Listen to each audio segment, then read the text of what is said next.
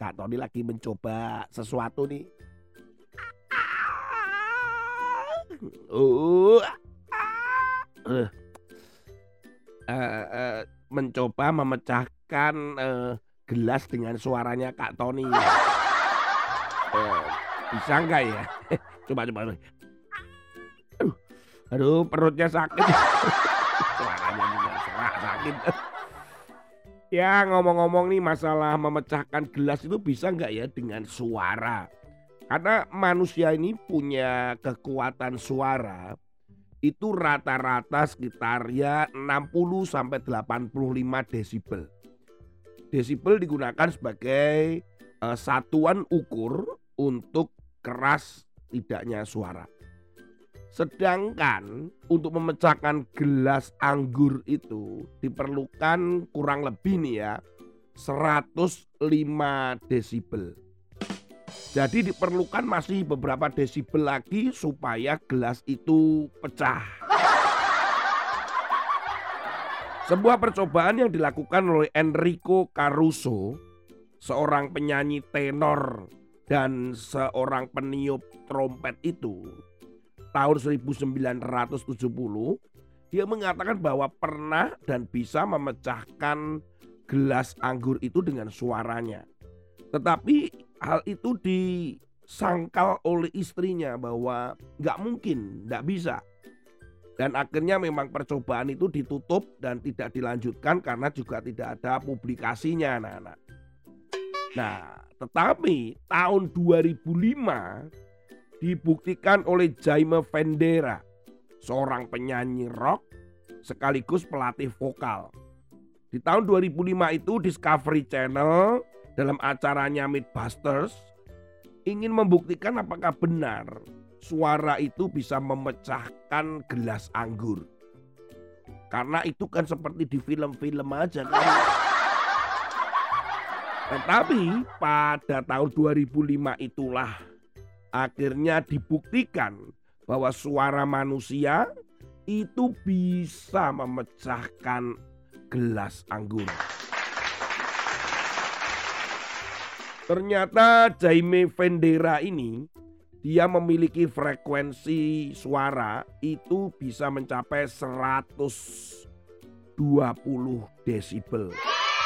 Nah, tadi kan dikatakan untuk memecahkan gelas anggur itu diperlukan 105 desibel ya akhirnya pecah dong anak-anak kerasnya itu bukan karena suaranya yang keras tapi ternyata melengking jadi bukan keras tadi Jamie sendiri mengatakan bahwa dia memerlukan nada tertentu dan perlu beberapa kali sebelum benar-benar bisa memecahkan gelas anggur itu dengan suaranya. Ternyata suara manusia ini bisa menghasilkan sebuah gelombang. Nah, gelombang inilah yang akhirnya bisa memecahkan gelas itu. Firman Tuhan hari ini terambil dalam Amsal pasal 25 ayat yang ke-20.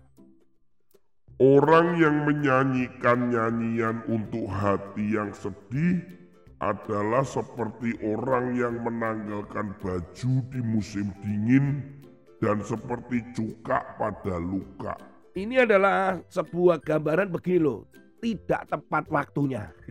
gitu ya. Jadi firman Tuhan pernah katakan juga bahwa bersedihlah dengan orang yang bersedih. Artinya berdukalah dengan orang yang duka, bersenyum uh, atau sukacita, gembiralah dengan orang yang gembira.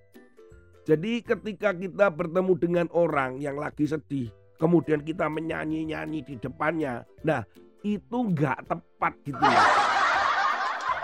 Walaupun indah suara kita, walaupun mungkin kita melengking seperti Pak Jaimi tadi, siapa tahu bisa memecahkan hatinya yang sedih gitu. Bukan, bukan begitu.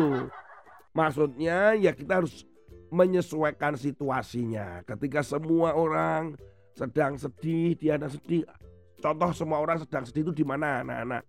Ya di tempat duka, tempat pemakaman mereka akan sedih kehilangan orang yang dicintai. Terus kemudian kita tertawa-tawa terus nyanyi-nyanyi begitu kan.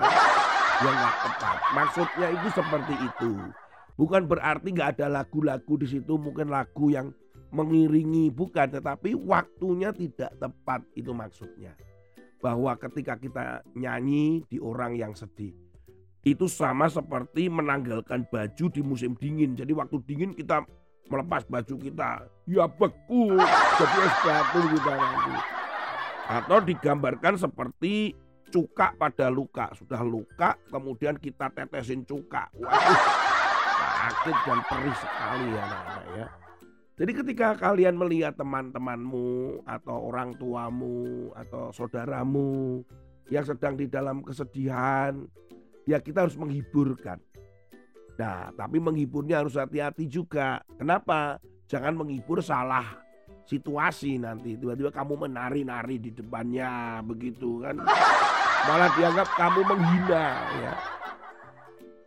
Kita harus hati-hati, terutama doakan saja mereka yang mengalami masa-masa duka ya.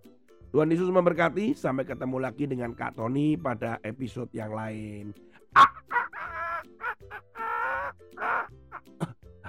Masih mau mencoba. Siapa tahu ada lampu yang bisa pecah. bye bye.